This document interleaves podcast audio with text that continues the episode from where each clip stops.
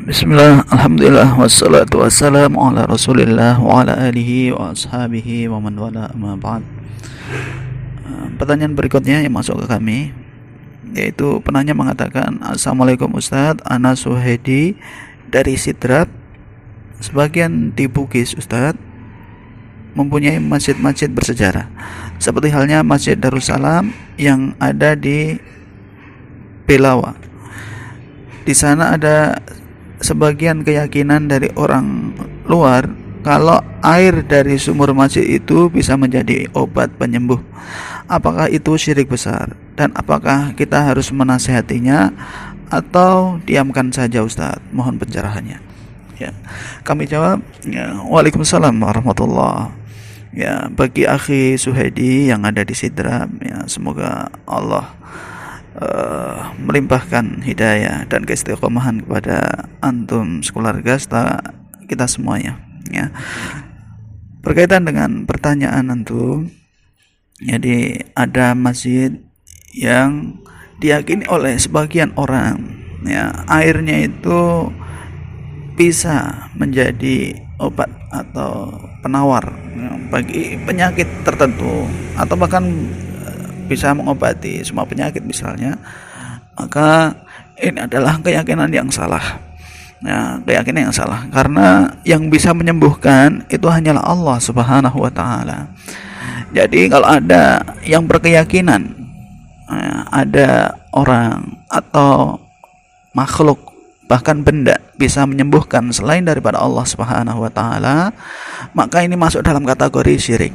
Ya masuk dalam kategori syirik Lalu masuk dalam kategori syirik besar atau syirik kecil? Ya, kalau seandainya orang-orang tersebut meyakini bahwa air tersebut ya, bisa menyembuhkan selain daripada Allah Subhanahu wa taala, maka ini masuk dalam uh, kategori syirik besar.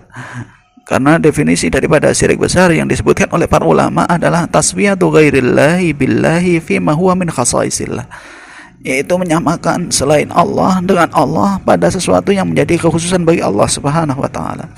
Dalam hal ini yang bisa menyembuhkan hanya Allah Subhanahu wa taala. Kalau ada orang yang meyakini bahwa ada yang bisa menyembuhkan baik itu berupa makhluk hidup atau benda mati yang bisa menyembuhkan, yang bisa mengobati selain daripada Allah Subhanahu wa taala, maka dia telah menjadikan dirinya atau benda tersebut sebagai tandingan ya bagi Allah Subhanahu wa taala. Dan ini masuk dalam kategori syirik besar dan harus ditinggalkan oleh kaum muslimin. Dan dosa ini tidak akan diampuni oleh Allah Subhanahu wa taala. Sebagaimana Allah Subhanahu wa taala berfirman innallaha la yaghfiru ayyushraka bihi wa yaghfiru ma duna dzalika liman yasha. Sesungguhnya Allah tidak akan mengampuni dosa syirik dan akan mengampuni dosa selain syirik bagi siapa saja yang dikehendaki.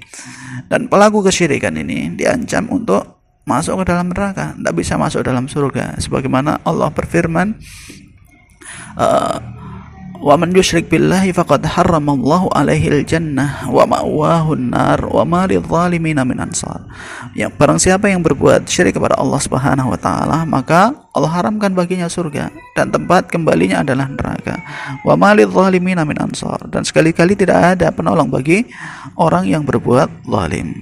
Ya, ini bagi orang yang meyakini bahwa air dalam uh, sumur yang ada di masjid tersebut bisa menyembuhkan ya atau bisa jadikan obat ya bisa menyembuhkan selain daripada Allah Subhanahu wa taala.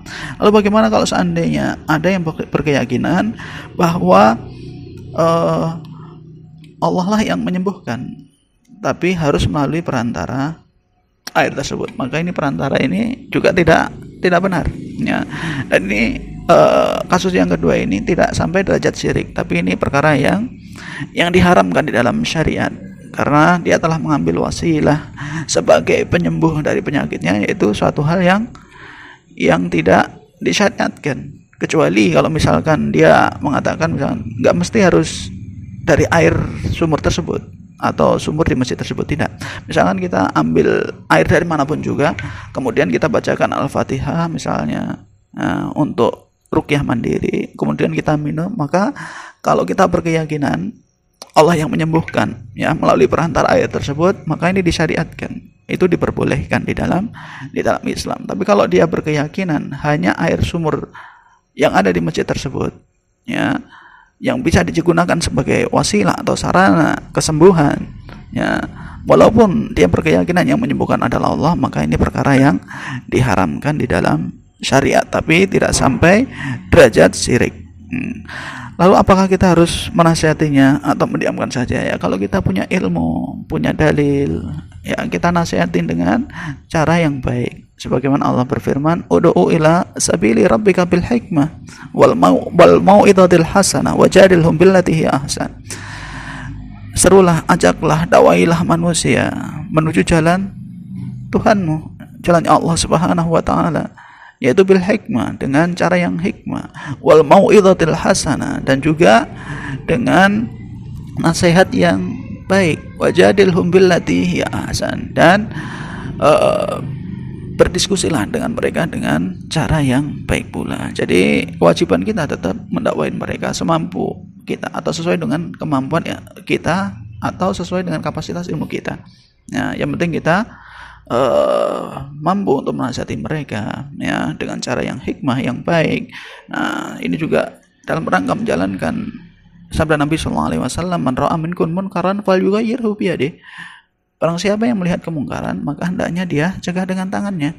Fa ilam yastati' fabi lisanihi. Kalau seandainya tidak mampu maka dengan lisannya.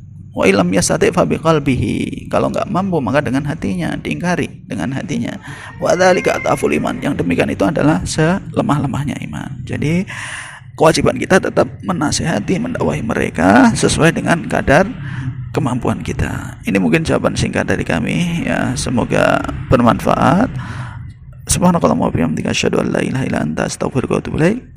Assalamualaikum warahmatullahi wabarakatuh.